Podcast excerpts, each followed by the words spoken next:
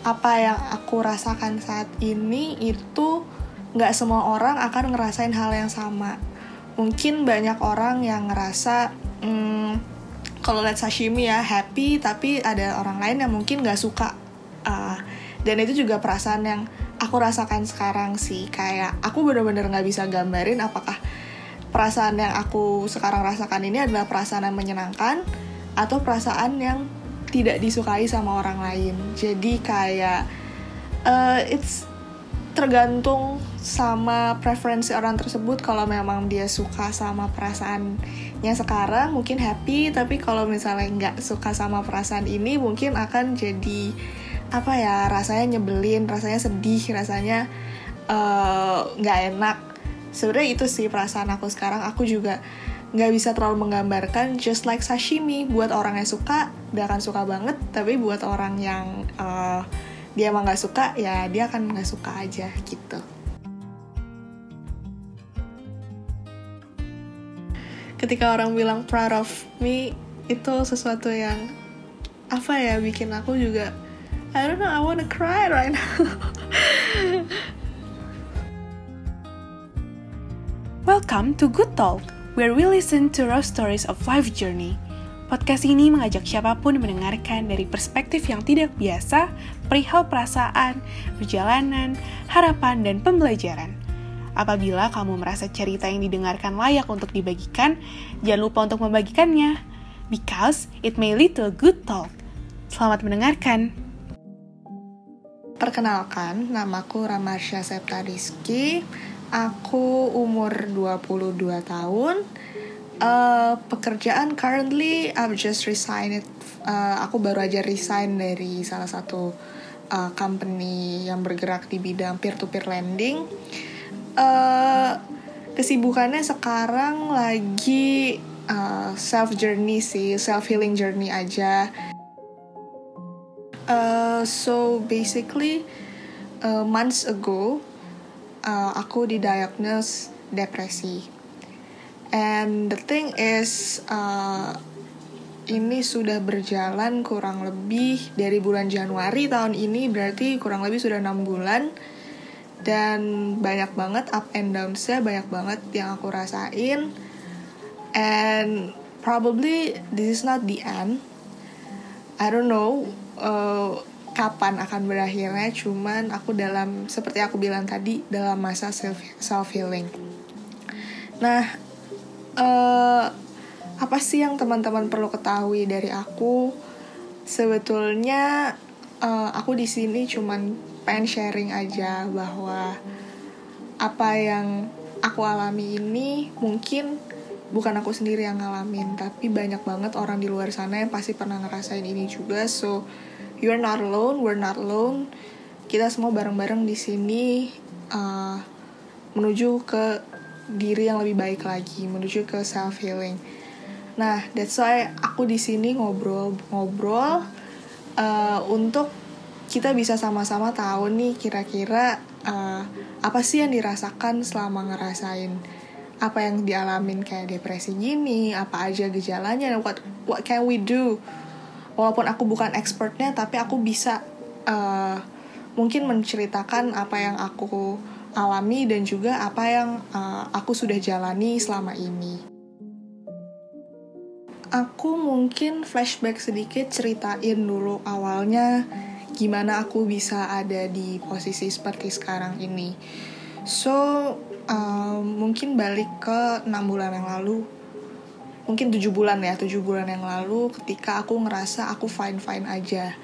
Aku bisa dibilang punya segalanya. Di situ kerjaan aku oke okay, aku baru promoted aku punya uh, keluarga yang suportif aku punya pasangan yang suportif. Semua berkecukupan hidupku uh, sangat apa ya bisa dibilang jauh dari kata sedih jauh dari kata uh, sulit lah ibaratnya. Jadi semua itu sangat menyenangkan. Tapi tiba-tiba nggak ada aba-aba nggak ada angin nggak ada apa-apa semuanya itu hilang.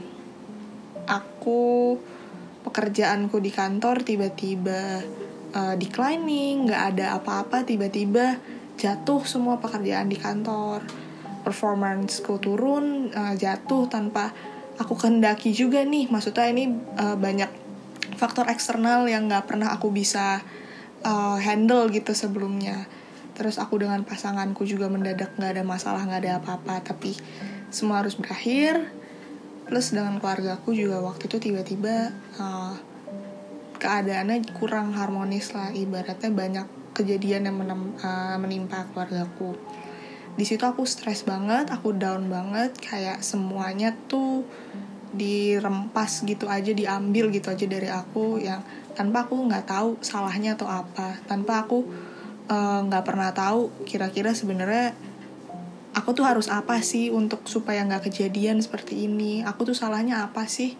Dan aku mulai self blaming di situ aku mulai banyak bertanya-tanya oh mungkin aku kurang ini aku kurang itu aku kurang baik buat sekitarku aku kurang uh, memuaskan keluargaku memuaskan pekerjaan di kantor aku kurang uh, baik lah ibaratnya I'm not good enough. At that point aku bener-bener stress out aku bener-bener uh, udah kayak orang gila. Karena benar-benar hilang semuanya benar-benar hilang ada di titik terendah. Dan posisinya uh, waktu itu kalau aku bisa bilang aku sebenarnya udah sempet dijanjiin kayak mau merit terus udah mau dijanjiin untuk uh, apa namanya bisa naikkan karir lagi. Wah pokoknya tapi tiba-tiba semuanya hilang lah. Kayak aku nggak bisa lihat masa depan aku bener-bener Eh, nggak uh, tahu apa yang terjadi blank. Tapi di situ aku masih nggak tahu kalau misalnya apa yang terjadi sama aku itu adalah salah satu gejala depresi atau mental illness benar-benar aku ngerasanya di situ ya udah aku stres aja. Tapi stresnya kok parah banget. Stresnya sampai sorry aku sempat berpikiran untuk suicidal untuk mengakhiri semuanya. It's simply because I just want the things end.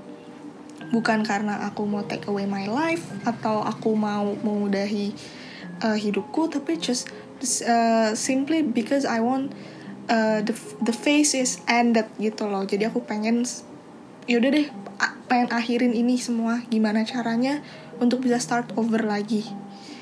Tapi semua cara udah aku lakukan yang menurutku benar ya waktu itu aku uh, mulai uh, ke sana kemari minta maaf dan lain sebagainya. Tapi ternyata uh, itu bukan sesuatu hal yang bisa menyelesaikan masalah.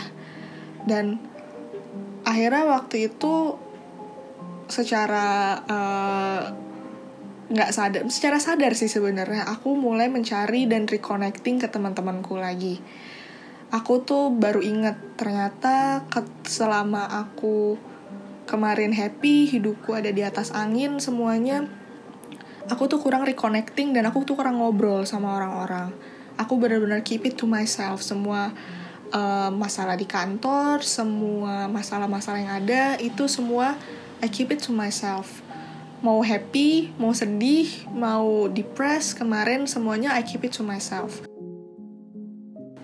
Harus ngobrol kali sama orang. Aku mulai reconnecting tapi susah banget. Yang namanya aku bisa untuk percaya sama orang-orang untuk menceritakan itu semua. Karena uh, sebenarnya bukan cuma susah untuk percaya. Yang pertama kita pasti susah percaya sama orang untuk menceritakan hal-hal yang deep. Tapi yang kedua adalah ketika kita menceritakan itu berulang-ulang kali itu bakal takes energy banget. Itu bener-bener ngambil yang namanya energi kita tuh uh, apa ya kita harus ulang lagi menceritakan the traumatic experience. Kita harus uh, ngasih tahu orang-orang ini loh yang terjadi sama kita. Ini loh yang sebenarnya uh, sama kita ini uh, alamin selama ini. Dan it's it's very hard. Tapi ketika kita udah berhasil menceritakan gitu ke orang lain berhasil menceritakan aja. Itu tuh kayak suatu accomplishment itu kayak suatu achievement yang dirasakan di diri kita bahwa oh kita bisa loh ngelewatin ini semua. Akhirnya aku berusaha untuk cerita ke teman-teman cerita ke teman-teman cerita cerita cerita. Mulai terbiasa menceritakannya. Sedih masih nangis nangis masih masih kepikiran untuk suicidal masih. Tapi seenggaknya aku sudah mulai terbiasa dan sudah bisa menertawakan. Setiap kali temen aku ada yang ngehibur aku, ngejokes tentang masalah aku, aku bahkan udah bisa menertawakan masalah aku sendiri. Walaupun in the dark way ya, mungkin dark jokes kali ya, tapi seenggaknya aku udah ngerasa itu improvement banget ketika aku sudah mulai bisa nyaman bercerita sama orang lain. Awalnya emang susah, tapi itu yang harus dilewatin. Memang itu yang harus dilewatin. Nah, terus mulai nih next stepnya aku kok ngerasa kayaknya nggak ada improvement apa-apa ya selain bisa cerita sama teman-teman. Tapi aku juga tetap selama cerita itu aku ngerasa ngerasa bersalah nih. Kenapa? Karena aku jadi ngasih vibes negatif ke teman-teman. Aku jadi ngeluh terus. Aku jadi uh, membebani mereka dengan cerita-ceritaku padahal sebenarnya teman-temanku mah malah seneng gitu. Aku cerita teman-temanku malah seneng uh, aku bisa terbuka sama mereka uniknya aku adalah aku ini terdiagnos diagnose depresi dengan dan anxiety. Jadi uh, dua hal yang saling ber kalau misalnya kita lihat gejalanya itu adalah dua hal yang saling uh, apa ya opposite lah saling bertolak belakang tapi itu keduanya terjadi di saat aku di saat yang bersamaan jadi kayak uh, ibaratnya nih kalau misalnya aku uh, mau ngobrol sama temen aku uh, pikiran aku yang depresi aku bilang ah ngapain depre uh, uh, ngobrol sama temen? Nggak ada gunanya. Tapi pikiran aku yang anxiety akan ngomong aduh uh, tapi kita harus cerita sama temen. Kalau kita nggak cerita sama temen nanti kita gini gini gini gini gini gini. Jadi benar-benar ada dua hal kayak ibaratnya ada dua pikiran yang saling bertolak belakang di diriku sendiri. Itu yang aku rasain kemarin ketika mulai cerita sama teman-teman juga. Satu sisi ngerasa ah mereka nggak akan peduli ya sama cerita gue. Tapi di sisi lain aku ngerasa ah mereka peduli sama ceritaku tapi aku jadinya ngerepotin. Nah itu lagi yang bikin aku uh, berpikir aduh nggak bisa nih kalau kayak gini terus. Saatnya aku ke layer berikutnya. Apa yang aku lakukan? Aku ngobrol sama teman aku yang memang mungkin sudah terbiasa uh, ngadepin teman-teman yang sedikit ya bermasalah atau punya mental illness. Nah di situ dia ngerujuk aku untuk ngobrol sama psikolog. Nah ketika aku ngobrol sama psikolog di situ terbuka banget sih pikiran yang sebelumnya. Itu aku masih belum didiagnosa ya. Setahu aku soalnya psikolog eh, nggak uh, boleh diagnos yang boleh diagnosis itu psikiater. Nah si psikolog itu uh, dia cuman ngasih tahu aku fase yang aku alamin ini apa aja. Dikasih lah uh, five stage of grief yang uh, ada beberapa stage. Aku lupa lupa inget pokoknya dia itu awalnya kan uh, sebelum acceptance akan ngelewatin masa namanya depres dulu dan lain sebagainya. Pokoknya ada five stage of grief itu. Uh, dan dijelaskan sama psikolog itu secara apa ya secara logis lah ibaratnya emang ada ilmunya.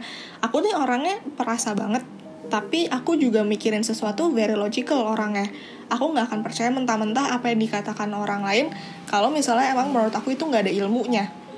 Nah tapi karena ini diceritain sama psikolog menurut aku psikolog itu punya ilmunya jadinya aku juga mulai percaya nih oh oke okay, apa yang aku alami sekarang ini selama ini uh, adalah sesuatu yang wajar sesuatu yang memang uh, semua orang bisa alamin dan sesuatu yang bisa aku lewatin.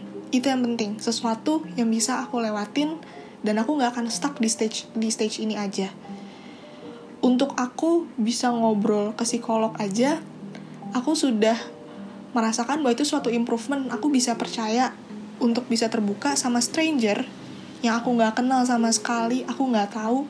Awalnya aku malu banget mau cerita. Nih orang nggak kenal sama gue tapi gue mau ngeluh nih sama dia soal masalah gue.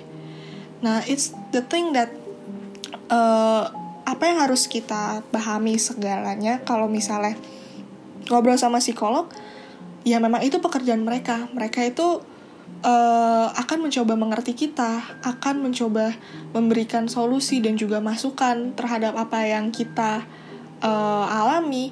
Itu karena ya mereka expertnya.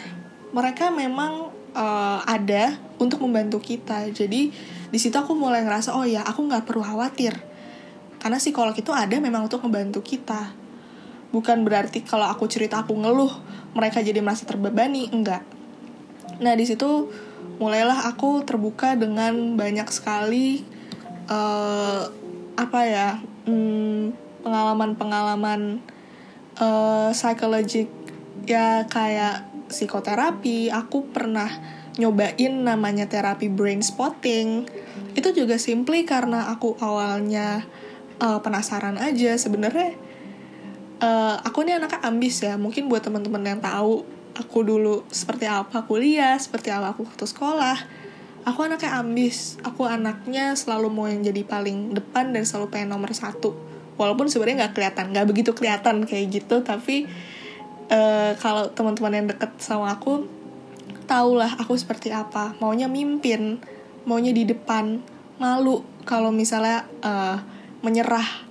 Malu kalau misalnya ketahuan nggak bisa itu aku nah ketika ada di masa seperti ini aku ngerasanya awalnya malu banget that's why akhirnya aku berusaha sebisa mungkin gimana caranya aku bisa keluar dari situasi ini. Aku coba banyak hal. Aku ngobrol sama teman. Aku ke psikolog. Aku ke tadi terapi psikoterapi namanya brain spotting. Nah, selain itu juga aku mendekatkan diri ke Tuhan. Agamaku Islam, aku sholat, aku banyak berdoa. Sebenarnya itu pendekatan spiritual.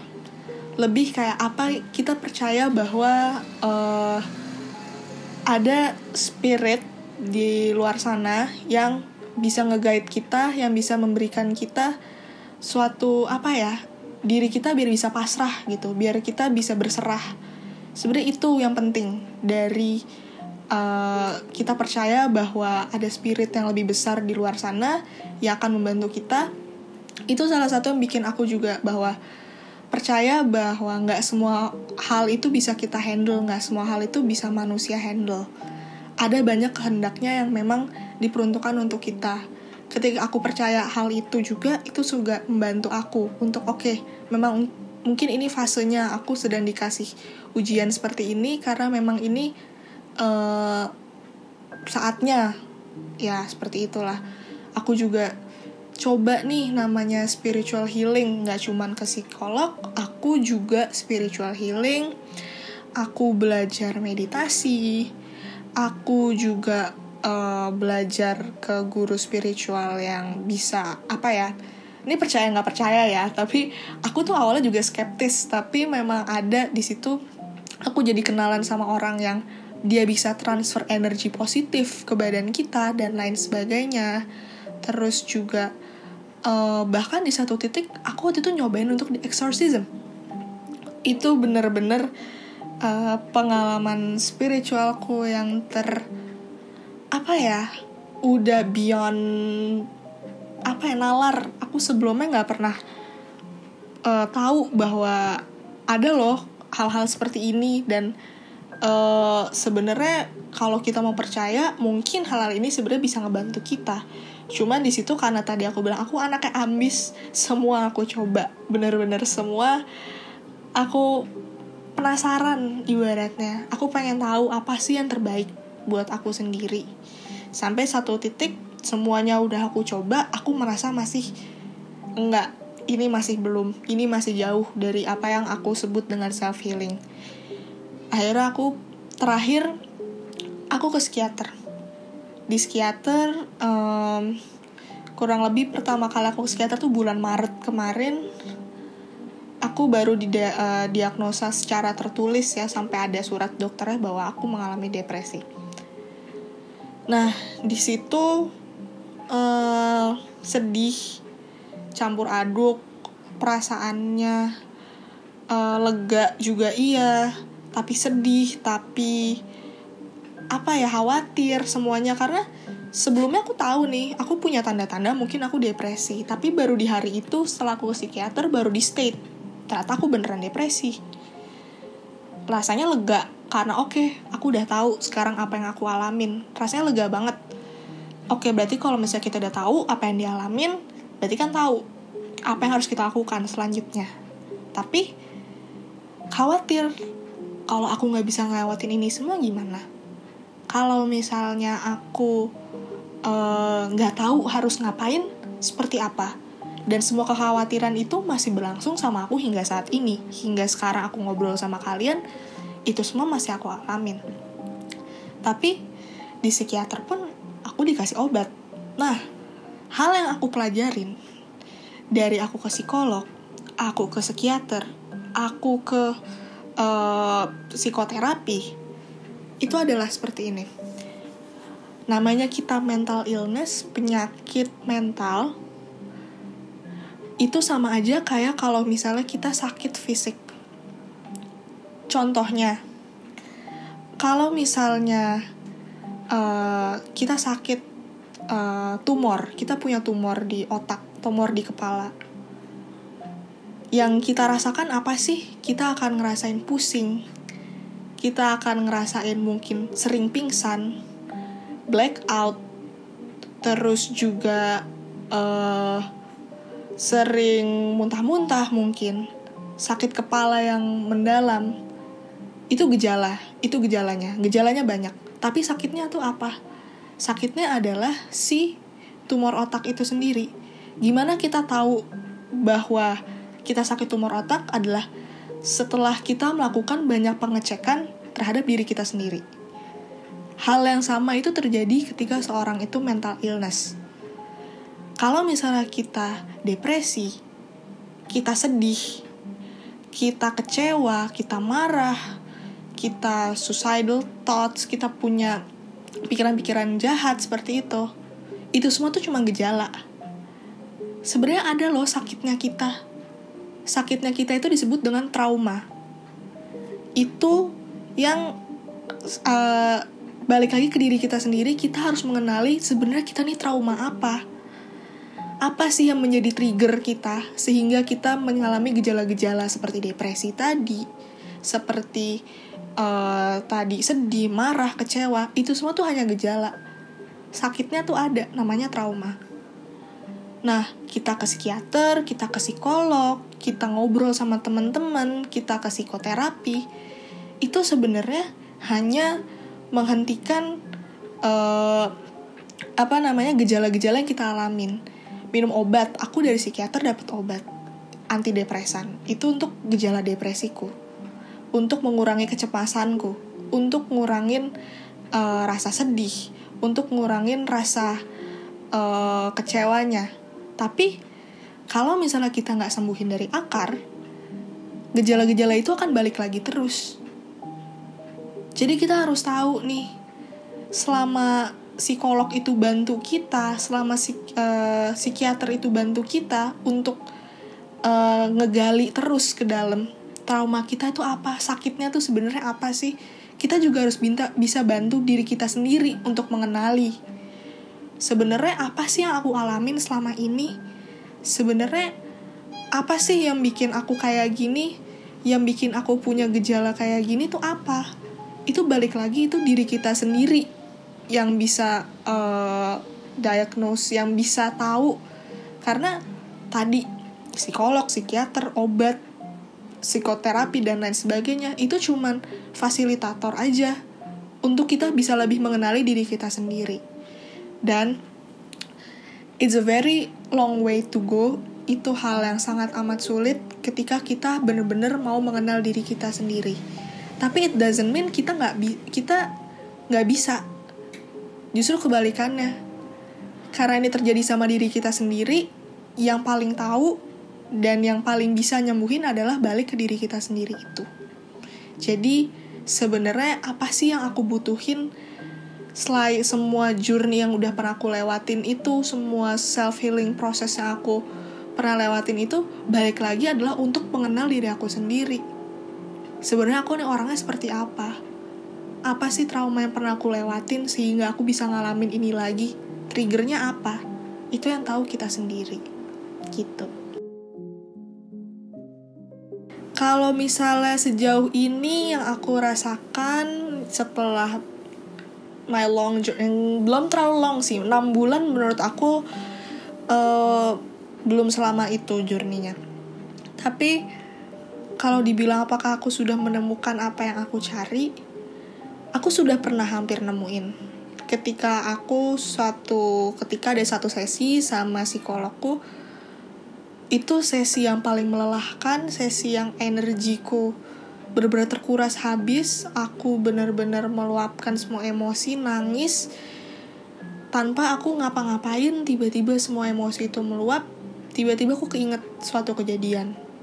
Kejadian aku di masa kecil yang ternyata setelah aku reconnecting the dots itu adalah yang trigger aku sampai sekarang. Sampai ketika aku besar ini intinya adalah aku akan selalu ngerasa I'm not good enough. Itu yang bikin aku selalu triggered yang bikin aku apa ya adalah beberapa kejadian yang pokoknya intinya setiap kali ada pembuktian bahwa I'm not good enough for anything kerjaan keluarga pasangan itu yang bikin aku triggered sejujurnya. Nah tapi aku menurut aku yang aku sudah aku temuin di situ sesuatu yang besar ya kayak akhirnya aku tahu nih trigger aku sebenarnya ini. Cuman untuk menghadapi itu itu susah banget. Kayak ibaratnya gini kita takut sama binatang. Oh aku tahu aku traum aku takut nih ke hutan. Aku takut ke hutan. Tapi sebenarnya awalnya aku nggak tahu nih aku takut ke hutan gara-gara apa ya? Eh terus aku ketemu sama ular Nah, baru deh aku baru sadar, oh ternyata aku takut ke hutan selama ini karena aku takut sama ular. Nah, tapi tetap aja, kalau kita, walaupun aku udah menghadapi ular di depan mataku, aku tetap akan ketakutan sampai kapan pun. Kalau misalnya nggak aku coba pegang, kalau misalnya nggak aku coba mengenal ularnya lebih baik, mungkin ternyata ularnya baik sama aku, tapi uh, aku nggak pernah tahu. Ya sama aja kayak aku sekarang apa sih yang bikin aku sedih? Apa yang bikin aku trigger? Awalnya aku nggak tahu. Tapi ternyata setelah aku telusurin aku tahu oh yang bikin aku trigger ada aku selalu ngerasa I will uh, I won't be good enough gitu lah aku ngerasa aku nggak akan pernah cukup baik buat se buat orang-orang. Dan itu karena ada beberapa kejadian ketika aku kecil. Aku udah tahu. Tapi ketika aku harus face it ketika aku harus berhadapan dengan perasaan itu ketika aku harus apa ya uh, disuruh berdamai dengan itu semua aku tuh belum siap. Jujur aja sampai sekarang aku tuh masih mencari cara gimana caranya aku bisa berdamai aku bisa uh, aku nggak takut lagi untuk ngerasain hal itu. Itu yang masih sulit. Aku yang masih berusaha untuk belajar.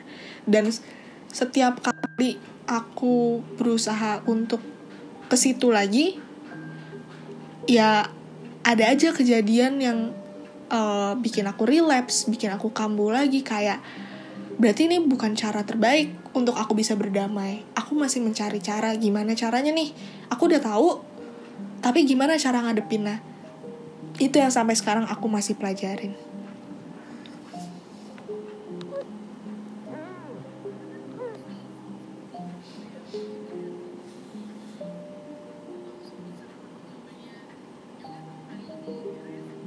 Betul.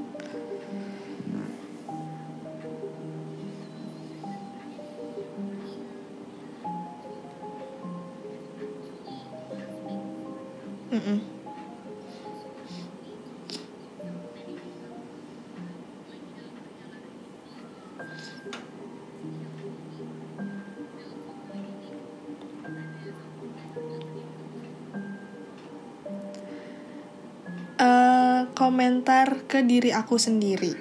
Selama self healing journey ini aku bisa bilang ke diriku sendiri kamu hebat. Kamu udah bisa jalan sejauh ini. Tapi perjalanan belum selesai ya. Kita masih bisa kok jalan lebih jauh lagi. Tapi apa yang aku laluin selama ini sudah hebat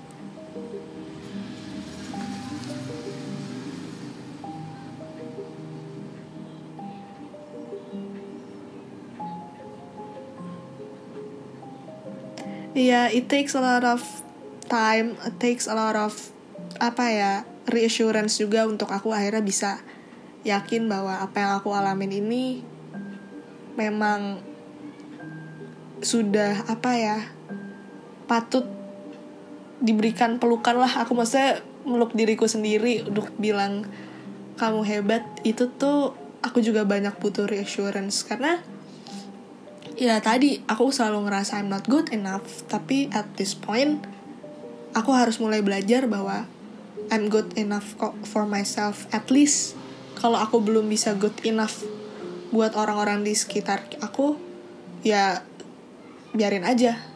Yang penting aku good enough for myself first and that's enough. Aku bukan orang yang gampang FOMO bukan orang yang gampang fear of missing out something. Jadi kayak lagi tren A B C D E kalau aku nggak ngikutin aku nggak apa-apa. Karena aku nggak merasa I have to gitu. Nah tapi akhirnya aku mencoba nih nonton sebenarnya ini bukan drama Korea ini uh, variety uh, show Korea namanya Running Man. Aku nonton Running Man bener-bener bisa sampai ketawa-ketawa bisa sampai uh, ada kali enam bulan terakhir ini show yang bisa aku tonton setiap hari itu cuma Running Man doang. Pertama emang Running Man itu lucu. Tapi yang kedua yang aku sadarin adalah aku tuh pernah nonton Running Man juga ketika masa-masa aku kuliah. Ketika aku lagi happy-happynya, aku nonton Running Man. Nah, sekarang ketika aku nonton Running Man lagi, itu mengingatkanku ketika masa-masa aku dulu betapa happynya ketika aku dulu kuliah. Jadi bener-bener kayak aku nonton Running Man, aku happy, aku kepikiran oh dulu gue juga pernah happy ini. Dulu gue pernah nonton Running Man dan bisa ketawa terpingkal-pingkal tanpa gue harus mikirin masalah gue seperti apa.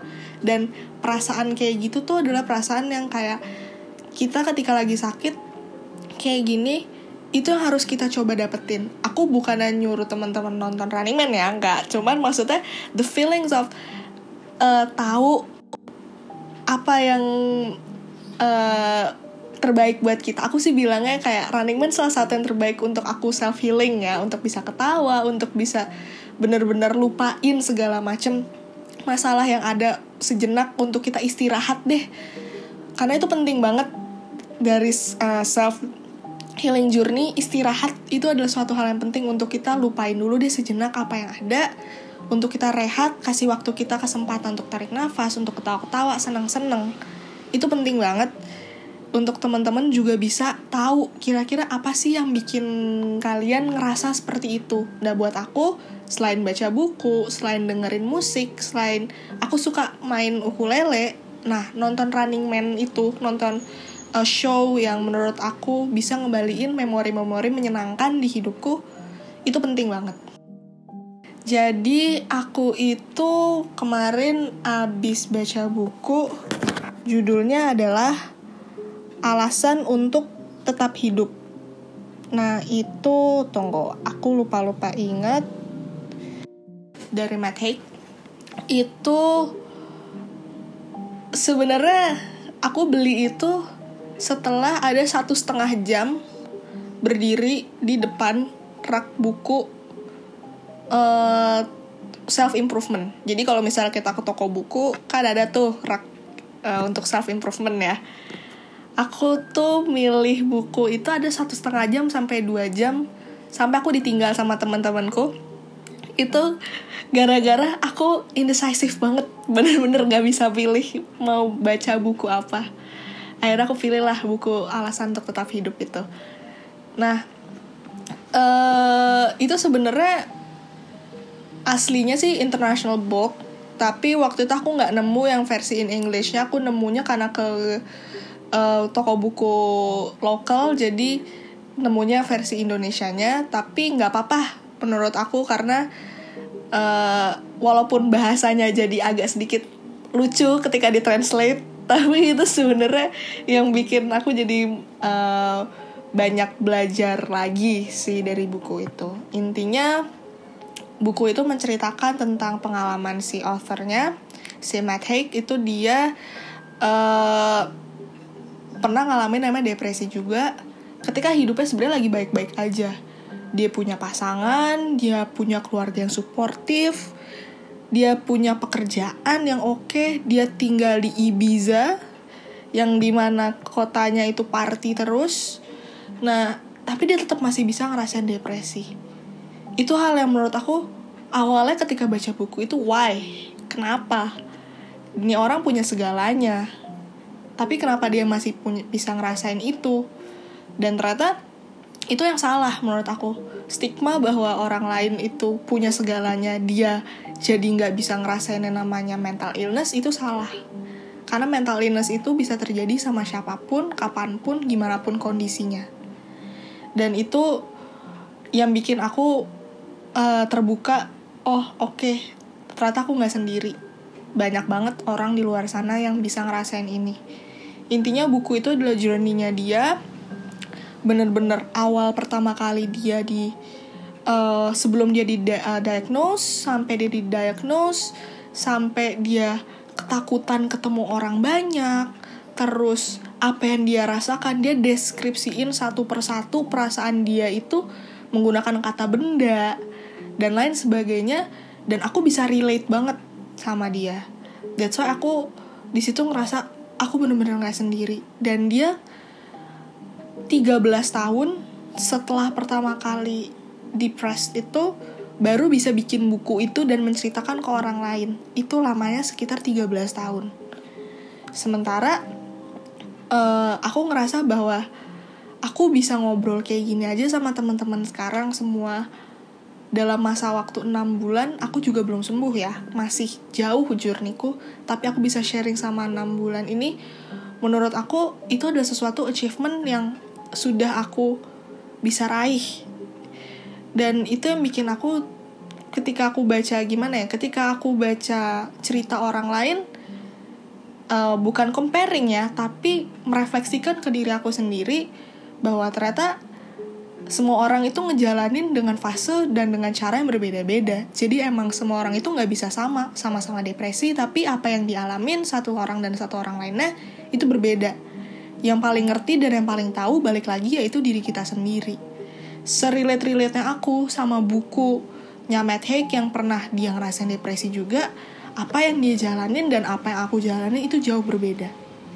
Dan itu yang bikin aku merefleksikan lagi ke diri aku, aku nggak sendiri, di luar sana banyak orang yang uh, depressed, orang yang kena mental illness, and it's a very normal thing. Aku nggak boleh ngerasa aku jadi abnormal.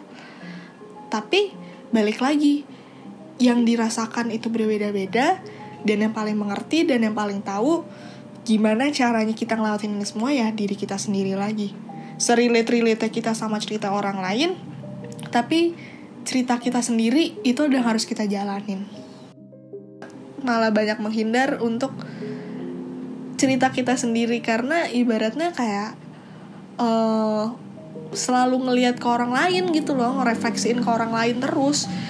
Dia bisa kayak gini kenapa gue enggak ya?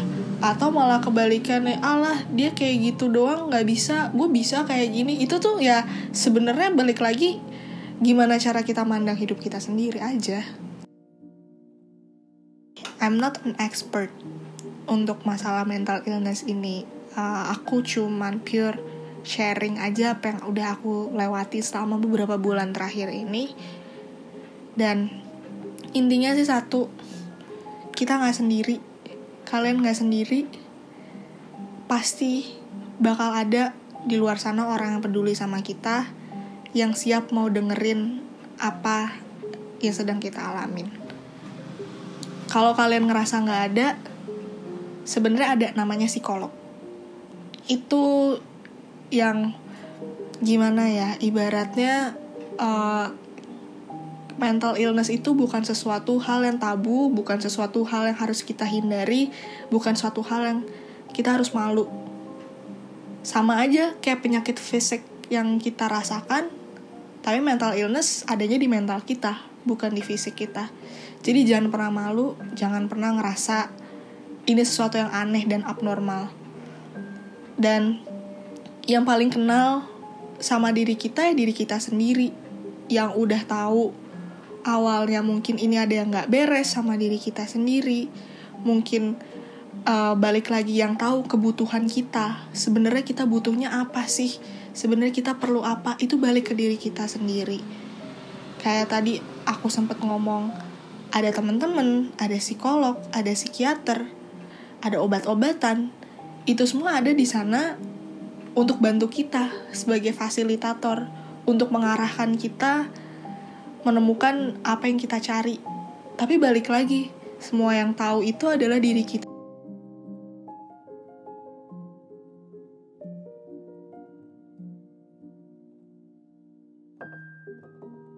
Jadi buat temen-temen gak usah takut kalau ngerasain apa yang mirip dengan apa yang aku alamin selama ini uh, it's not a taboo thing. It's not something that uh, you have to be afraid of hadapin.